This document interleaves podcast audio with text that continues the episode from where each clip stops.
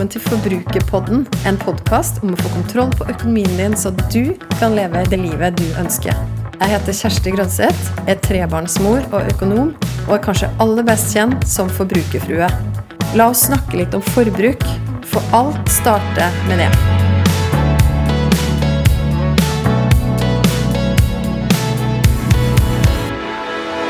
Studio i Forbrukerpodden i dag så har jeg en fantastisk person som har vært gjest i podkasten før.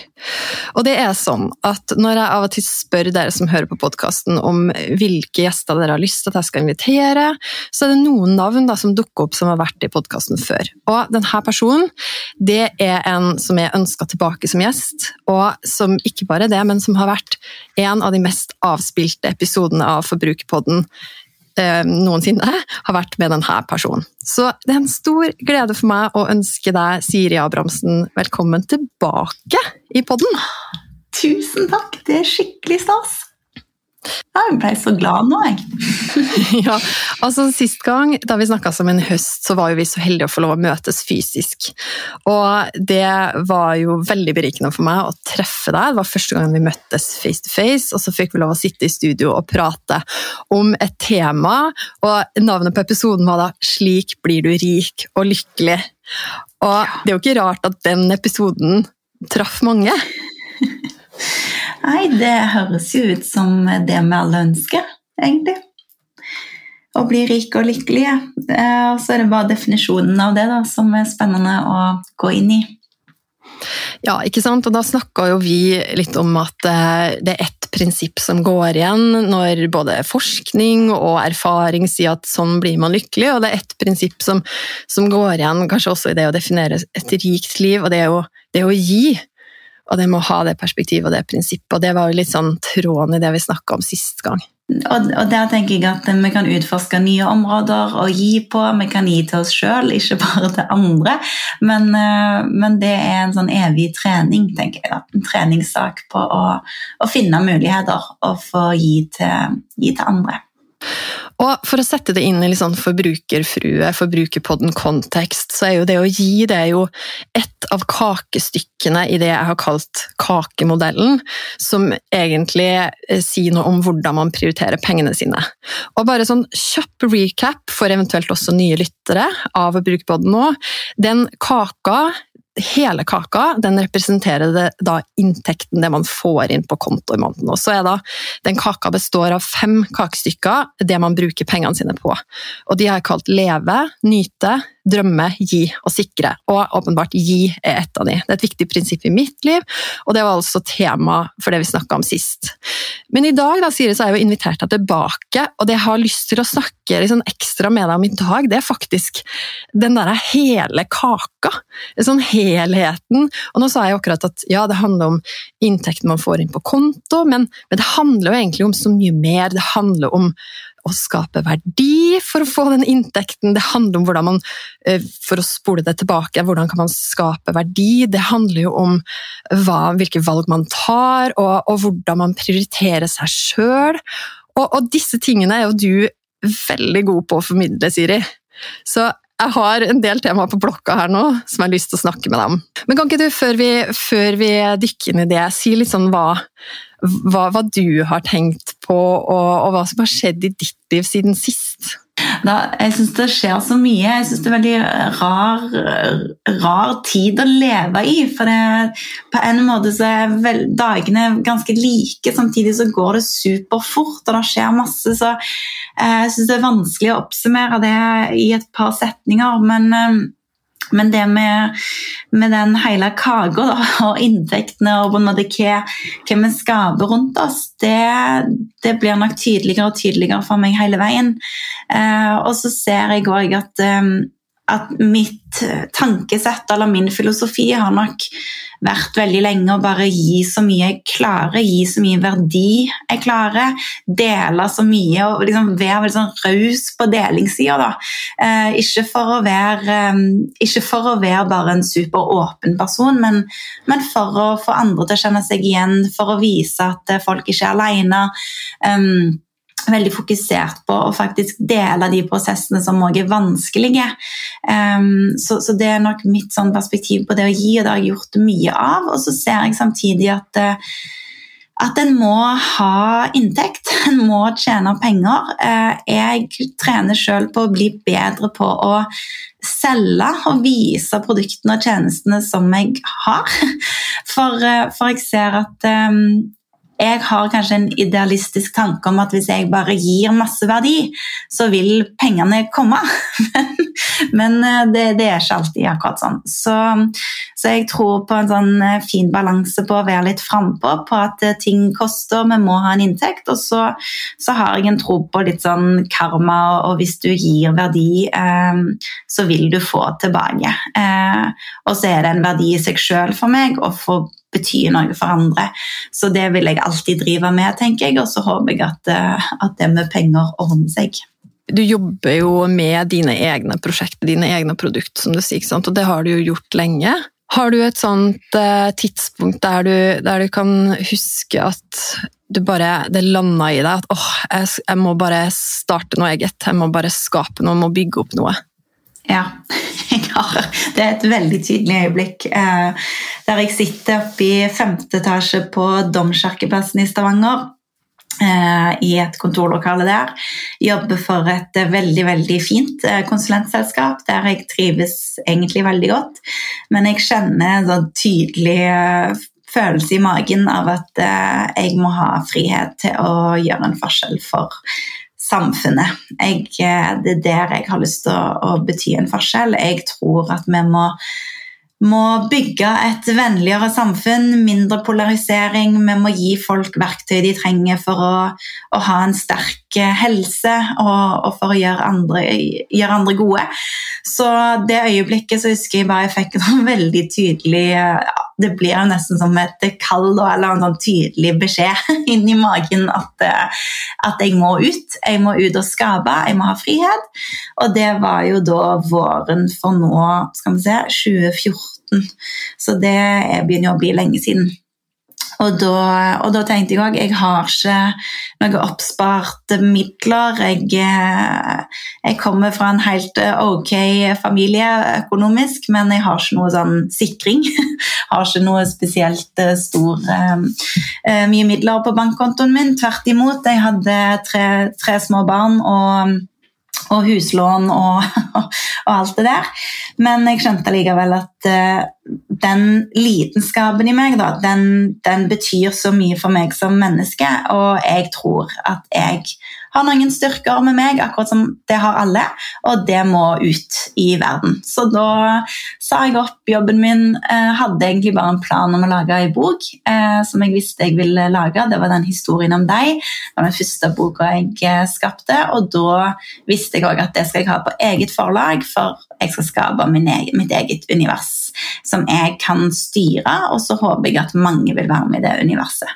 Så det er nå ja, syv syv Nei, hvor lenge er det siden? Ja, syv år siden. Mm. Sju år siden, ja. Hm. Det er så rått at du har et sånt øyeblikk, og at du også var så tydelig på at ok, men jeg har noe i meg som bare må ut. Og at du faktisk da turte å følge opp det, for det er jo mange som kan kjenne på, men at du turte å følge opp det med å bare ta det valget, da. Om ok, men det her er så viktig for meg. Ja, for det er noe med jeg, jeg, tror jo at vi har en sånn gnist. da.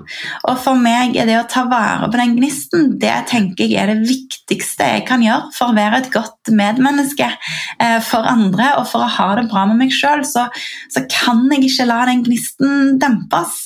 Og det, det, det gjelder for hele den kaka som du begynte med. For det, det tenker jeg både i møte med, med vennene mine, eh, partneren min, eh, de ulike valgene jeg tar i livet, så er jeg veldig sånn opptatt av den gnisten. At den må få næring. Um, ja, for det, da har jeg masse å gi. Og, og, jeg tror det er den som er så sterk i meg òg. For det der er, på de syv åra så har det jo Det er jo ikke noe lett vei, dette her. Eh, og jeg tenker at det å starte noe for seg sjøl, det det er ekstremt krevende. Det er for spesielt interesserte. Eh, men, hvis en, ja, men hvis en har en sterk gnist, og du liksom vet litt hva du vil endre, så tror jeg at den drivkraften kan en komme langt med. da. Og så vil jeg også si at For syv år siden så, var jo, så starta jeg jo med et enkeltmannsforetak og, og, var selvstendig næringsdrivende tenker jeg, i noen år. Og så, og så gikk det over til å bli gründerskap, for det er også to forskjellige ting. Eh, det å være selvstendig næringsdrivende og tjene sin egen lønn det syns jeg gikk egentlig ganske greit. Men det å bygge, bygge noe som er større enn meg, det er kjempevanskelig og veldig gøy. Og, og bare Det er så mye voksesmerter, det, Kjersti, at um, det blir mye tidlige morgener. Men, um, men jeg tenker at det, det, er verdt det, tenker jeg. Ja, er det, der du, er det der du finner den gnisten og tar vare på den gnisten på de tidlige morgenene? Ja, både òg, for det gjør meg òg veldig, veldig sliten. Jeg blir veldig sliten av det. Men jeg ehm, Ja, jeg våkner opp og så tenker jeg på alt det som må skapes. Og så har jeg liksom ikke tid til å ligge i senga lenger. Jeg må ut og, og skape. Eh, så ja, der er det en gnist. Ehm, og så, og så tenker jeg på hvor utrolig mye makt vi mennesker har. da. Og Jeg tenker på alle som, som hører på. Tenk på når du var fem år hva du tenkte at livet kunne bli. Om du skulle bli astronaut eller frisør eller samme det. Vi hadde ofte en, en sånn drøm i magen da, om hva som var mulig. Og jeg er så heldig å få være rundt mange barn, og de inspirerer meg så enormt, for de har en sånn livskraft som, eh, som jeg ønsker å ha gjennom hele livet mitt. da. Og, og jo, altså den kraften blir jo også sterkere av motstand. Og jeg tenker at Hvis dette hadde vært lett, hvis det hadde vært lett å gjøre gleding til et kjempestort konsept, hvis det hadde vært lett å selge 10 000 bøker, så hadde jo, da hadde jo alle gjort det, da. Men det er ikke lett. Og det at det er at jeg stadig vekk har problemer og utfordringer, det gjør jo at jeg vokser det gir jo egentlig påfyll til drivkraften min, fordi jeg har hele veien nye fjelltopper jeg må øve. da. Men, men, det er jo òg tankesettet jeg har rundt det. For jeg tenker at hver gang noe går galt, så er det en kilde til læring.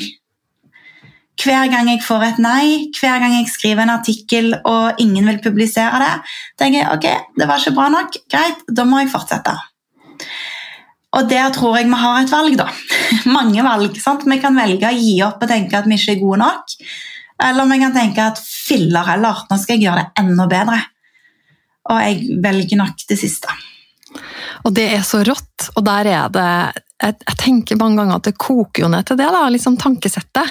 Og det kan jo være knytta til det å, å, å skape å være og drive med entreprenørskap sånn som du gjør, men også, også bare hvis man har en vanlig jobb da, og skal, skal håndtere en vanlig økonomi, og prøve å få det til å gå rundt, og at man, man eh, kanskje har tatt noen valg før også, som er litt sånn åh, ja, det er feila, men så kan man velge, da, sånn som du sier. Har jeg, hva har jeg lært av det?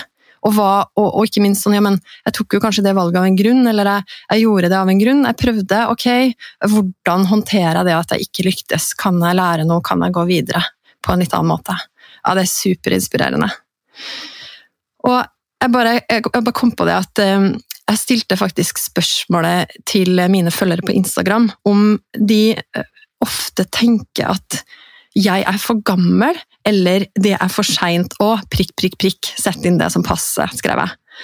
Og da fikk jeg altså 54% sa ja. 46% sa nei. Så det var liksom relativt uh, balansert. Men det er altså flere da, som tenker ja. Og, og, så spurte jeg også, jeg spurte jo de om det handla om uh, økonomi og penger. Og de som svarte på det, de, de, sa jo at ja, det handler ofte om sånn at jeg føler at jeg har låst meg til en inntekt, til et yrke.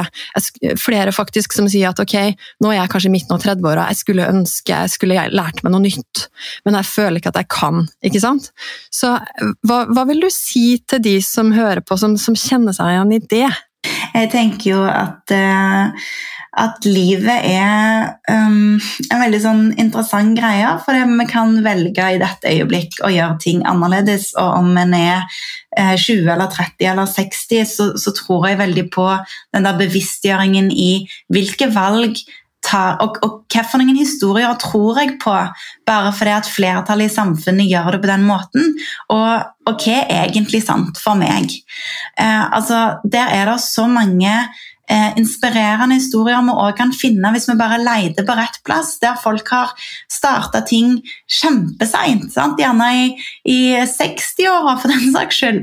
Det, altså, det er jo aldri for seint, men det er klart at, at en må jo være innstilt på å jobbe for det. Og det er jo derfor jeg tror at eh, at det der å finne det som gir mening, det er det viktigste. Finne det som, som en er villig til å virkelig kjempe for. For i lidenskap så ligger det jo lidelse. Og det er liksom, hva er du villig til å, å gjøre for det om det vil være skikkelig smertefullt? Hva er det som er så viktig for deg at det, uansett hvordan det går, så må du bare prøve det? For det å ligge på slutten av, av livet og tenke at åh, hva hadde skjedd om jeg hadde prøvd? Tenk om det hadde gått.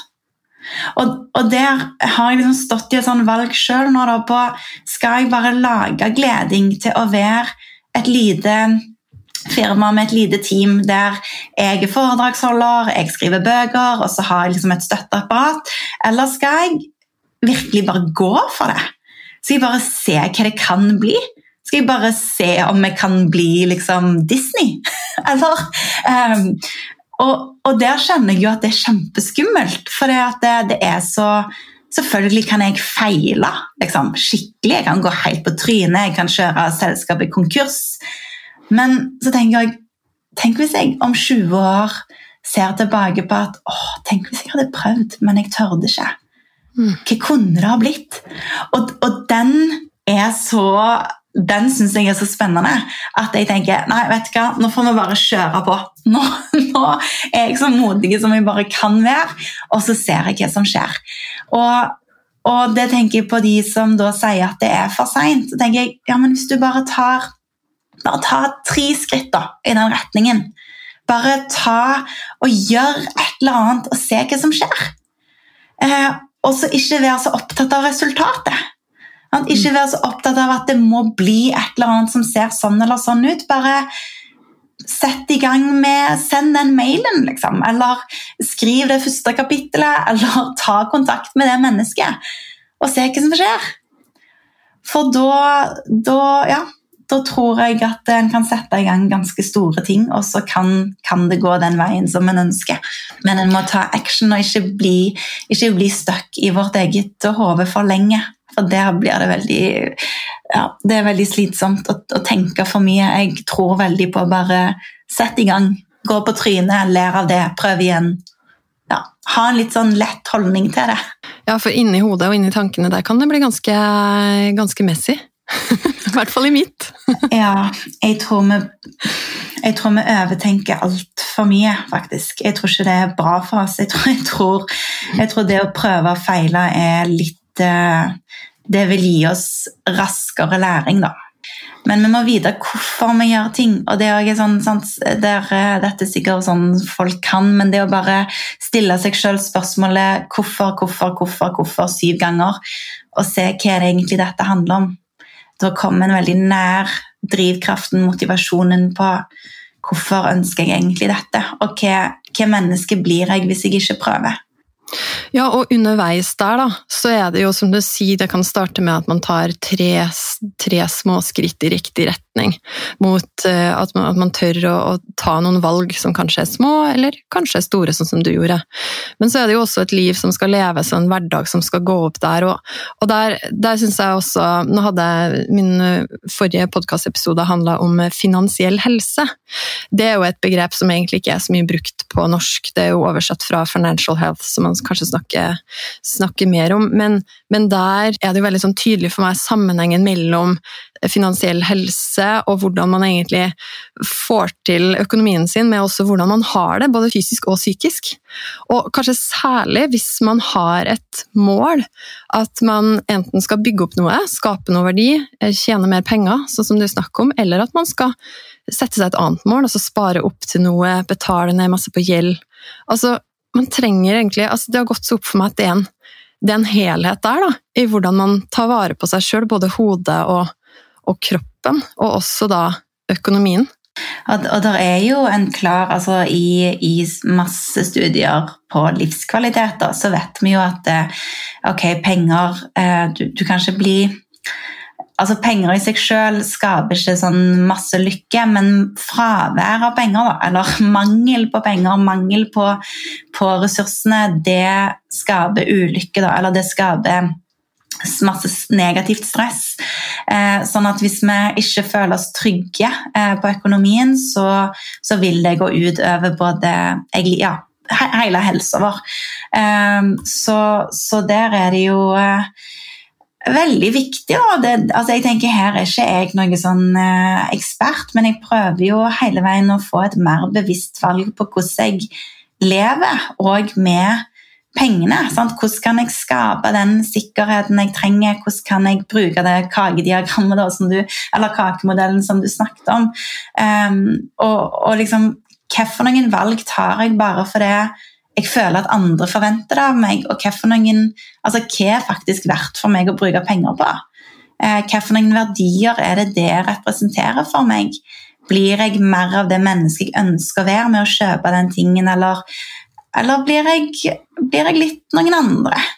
Um, så, og, og, det der med at jeg, jeg ser jo òg nå at jeg har hatt ganske mye sånn skam relatert til penger. Jeg er på en måte litt redd for å tjene for mye penger. For det, jeg vet at det kommer i avisene, og liksom sånn resultatet når en har et AS, og så kan folk gå inn og se hvor mye Det, det er noe veldig ubehagelig med det. da. Spesielt det jeg jobber med. For det er så mange som, som tenker at hvis, en kan ikke tjene penger på det og det og det. En må være ideell, en må være veldedig, en må være frivillig.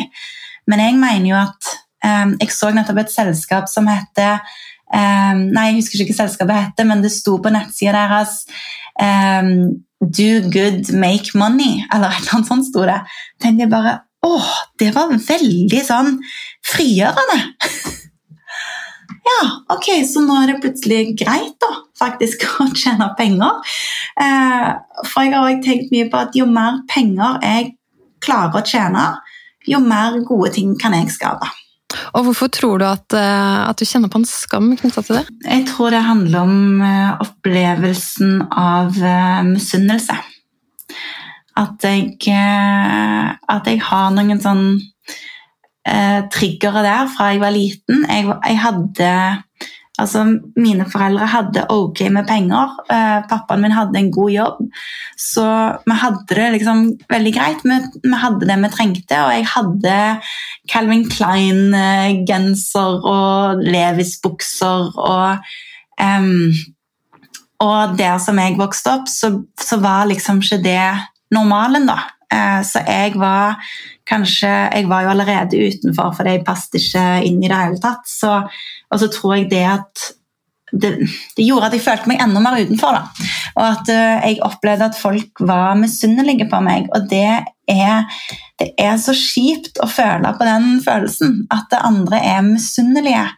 Uh, for da, da, kan vi ikke glede oss sammen. Da kan vi liksom ikke gi rom for hverandre sin suksess eller gleder eller seire. Da er det bare åh, å ja, skal du få til det òg, du? Å ja, skal du ha en sånn genser? Eller ja, Det ligger masse vondt der egentlig fra barndommen som gjør at jeg, at jeg, at jeg er veldig glad for at jeg kjører Toyota, liksom. Jeg, jeg eh, ja, det er veldig sånn folkelig og godt. Og jeg tror jeg er redd for at folk skal tenke Ja, jeg er helt ærlig på det. Jeg er redd for at folk skal tenke at jeg ja, et eller annet. Dette må vi utforske mer, Kjersti. Jeg vet liksom ikke helt hva det handler om, men jeg tenker at dette må jeg komme meg forbi, for jeg ser nå hvor utrolig mye penger som trengs for å skape en stor impact eh, i verden. Og jeg ønsker å gjøre verden mer empatisk. Det er visjonen min.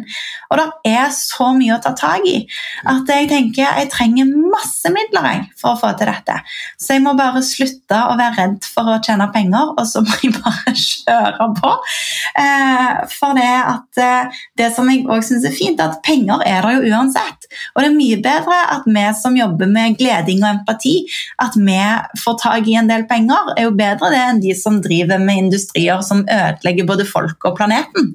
Det, det vil vi jo ikke.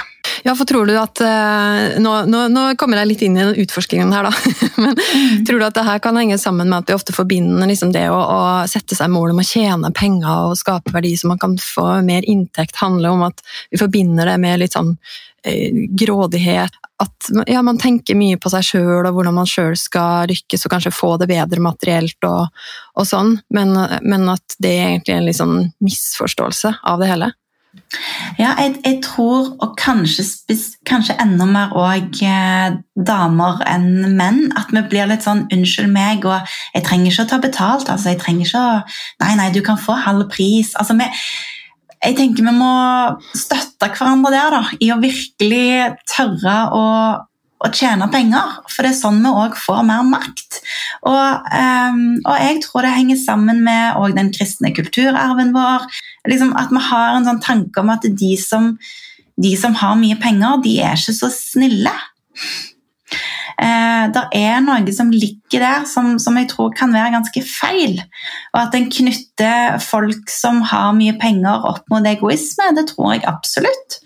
Så, så her er det litt sånne holdninger som, som, må jobbes med. Og jeg snakker like mye til meg sjøl, for jeg, jeg må jobbe med mine egne tanker rundt dette.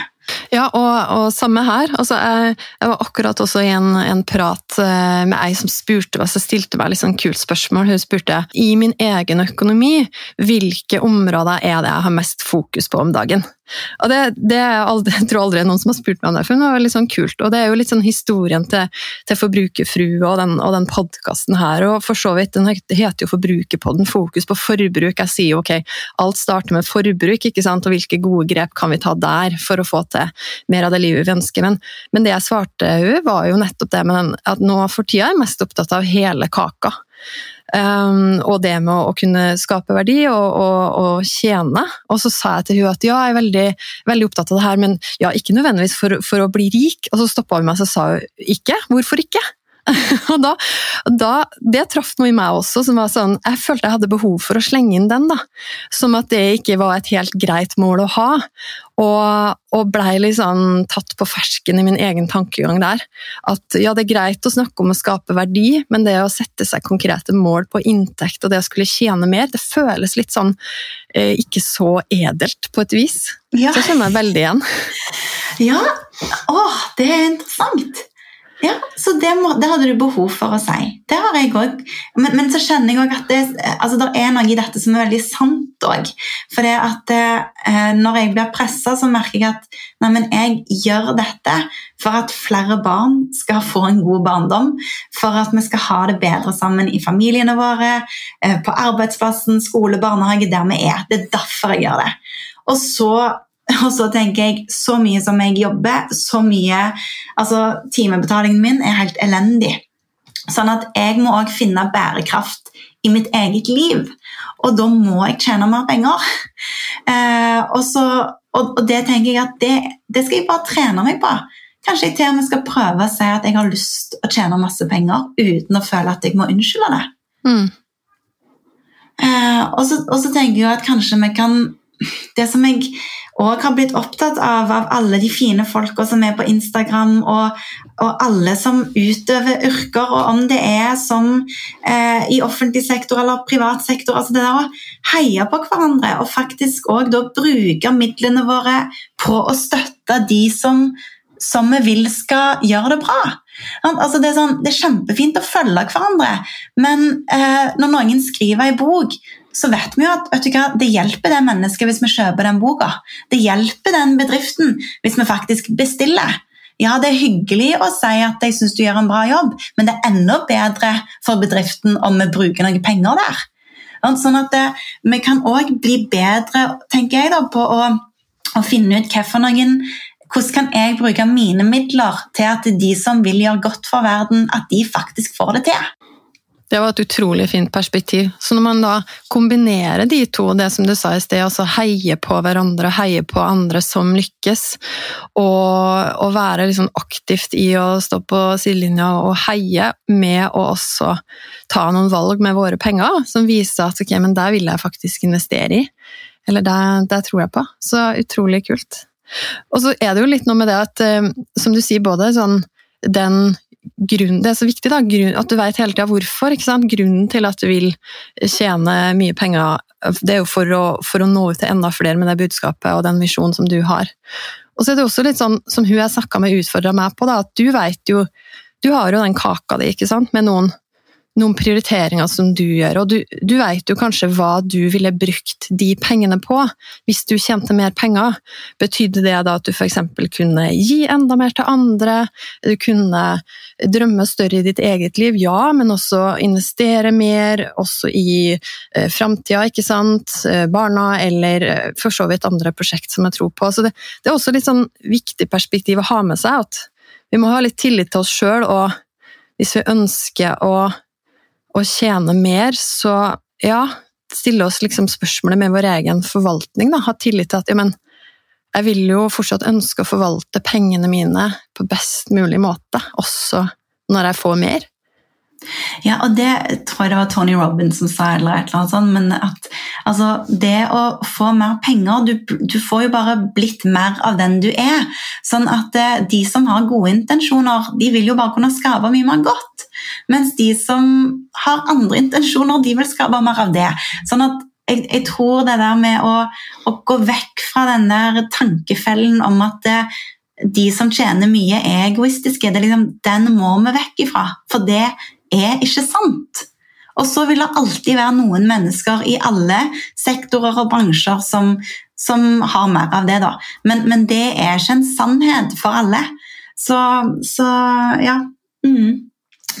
vi, må, vi må videre fra den, for jeg Penger er jo frihet. Det er jo det. Det er frihet til å skape, og jeg ser at det, i, et, altså i et entreprenørskap da, så ting koster flesk det er så dyrt å utvikle nye ting at eh, ja, en, en må ha penger. Kom ingen vei utenom. Du, Det er spennende, Siri. Det det jeg liker med deg. da. Eh, en av tingene jeg liker med deg, er at man kan ha disse store, eller disse samtalene om litt de store spørsmålene og, og bli litt filosofisk sammen. Det merker jeg liker veldig godt. Og så er du jo også veldig, veldig praktisk og konkret, og mye av det du deler også i dine, dine kanaler, er veldig sånn praktisk til hverdagen òg. Når vi går inn for landing av episoden, så har jeg lyst til å litt tilbake til den der gnisten igjen. Det som kanskje er utgangspunktet for alt. Da. Om man skal skape noe nytt, noe eget, eller om man skal være en arbeidstaker som, eh, eh, som gjør en så god jobb som man kan. Eller egentlig om man er hjemme. altså Uansett så handler det jo om Det starter med den gnisten. og Da har jeg lyst til å spørre deg til slutt liksom, hvordan, hvordan vi konkret i hverdagen vår tar best mulig vare på den. Jeg tenker jo å finne ut hva er det som altså, inspirerer deg. Hva er det som inspirerer deg? Finn det ut, skap det rundt deg, gjør det visuelt hjemme der du våkner opp. Ha et inspirerende soverom. Eh, hør på inspirerende musikk. Finn det der som, som, skal, som liksom gjør at du kjenner på livsnerven på et vis. Eh, og og inspirasjon får jeg jo veldig mye fra bare å se på naturen eller la meg fascinere. Eh, lære nye ting. Altså det der med å å vokse som, som menneske. Det er, no, det er, jo det som er veldig mye av inspirasjonen. Um, det å våkne og tenke ok, de problemene som oppstår i dag, de, de skal jo vokse gjennom. Vi skal ikke bare komme oss gjennom problemene, vi, vi kan vokse gjennom de. Og uh, Monica er en god venninne av meg som, som har kreft med spredning. og og har det forferdelig tøft. Hun vet ikke hvor lenge hun har igjen å leve. og Det vet for så vidt ingen av oss. Men, men hun sier at det der med posttraumatisk vekstsyndrom, det der å bruke motstanden du har fått i livet, da, til til å gi motivasjon. Sånn, det som har vært vondt, ok, hvordan kan vi snu det og gjøre en forskjell for andre, sånn at de slipper å ha den samme smerten? Eller hvordan kan vi finne ut hva vi ønsker å endre i samfunnet, og så kan, kan det inspirere oss til å se at ja, men jeg kan jo gjøre noe med dette. Det er ikke bare Erna Solberg og, og kongefamilien og sånn som, som, som får snakket ut til mange. Jeg kan begynne. Det at vi har sosiale medier i dag, gjør jo at alle som virkelig står på, kan få et talerør. Du trenger ikke å ha en mastergrad, du trenger ikke å ha en bachelorgrad, du trenger ikke å ha et fancy etternavn. Du har tilgang til alle de samme kanalene som alle andre.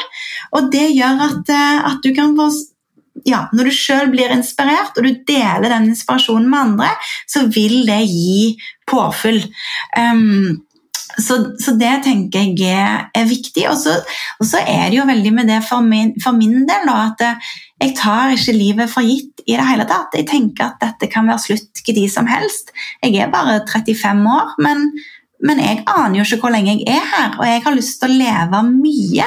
Jeg har lyst til å liksom kjenne på smerten og gleden og, og kjenne på kontrastene og, og, la meg føle, da. Eh, og for at jeg skal klare å føle hele veien, så må jeg òg tørre å ta litt modige valg. Jeg må tørre å gjøre ting på en ny måte. Jeg må utfordre meg sjøl. Um, og, og, dette har jo jeg trent på egentlig siden jeg var veldig, veldig liten. Det begynte med mentaltrening da jeg var tolv år. Jeg satte meg mål gjennom hele ungdomstida fordi jeg, var, jeg, hadde tenkt å bli liksom Steffi Graf på tennisbanen. Reiste rundt i Europa. Jeg, jeg, tror det handler noe om å, å tørre å være nysgjerrig, egentlig. Um, og nå, nå, snakker jeg veldig mye og tenker samtidig, så dette svaret blir veldig sånn Hva som kommer til meg akkurat nå. Men, men jeg tenker sånn Bevar engasjementet ditt. Tør å være et engasjert menneske. Tør å skrive en kommentar. Tør å gi respons til andre. Om du jobber, Samme hvor du jobber eller hva du gjør. Rekk opp hånda, liksom. Si bra jobba til folka rundt deg. Si hei. Eh, gi respons. Vær et, sånn, vær et speil i verden som er godt å gå forbi, liksom. Eh, for da vil du begynne å se at oi, jeg, jeg, har påvirkning. Jeg har påvirkningskraft. Jeg betyr noe. Og da tror jeg en, en, liksom den snøballen vil begynne å rulle. da. Eh, ja. Mm. Være et godt speil å gå forbi. Det tenker jeg, det var lurt. Det var veldig lurt. Du, det, vet du hva jeg tenkte nå? At de siste, siste tre minuttene her de skal jeg lage som en sånn eget spor for meg sjøl, og de skal jeg ta på øret når jeg trenger litt sånn motivasjonsbust. så du som hører på denne episoden her nå, du er så heldig, for du har fått så mye gull av Siri, og det er det jeg veit. Når jeg inviterer Siri, så kommer det gull. Og tusen, tusen takk, Siri, for at du er et sånt menneske. For at du er en som det er godt å speile seg i, og alt det du deler og det du brenner for, det er så enormt inspirerende, og det betyr så mye for så mange. Og jeg bare håper at det blir Disney, at gleden blir Disney. At, ja, bli med, da, så kommer det til! og at alle dine drømmer Siri, skal gå i oppfyllelse, og jeg vet at du vil gjøre verden til et bedre sted, så ingenting bedre enn det. Så bare tusen, tusen takk for alt du deler, både som du har delt her i dag, og som du deler i dine kanaler. Tusen takk, Kjersti, for at jeg fikk bli med igjen, og takk for alle dere som hører på. Jeg vil gjerne vite hva du tenker etter å ha hørt episoden. Så koble med meg på Instagram. Der finner du meg som Forbrukerfrue. Send meg en melding. Tagg meg gjerne i Story og del episoden her hvis du likte den. Eller send meg spørsmål. Og husk å abonnere på podkasten Forbrukerpodden, så får du beskjed hver gang det kommer en ny episode. Vi høres!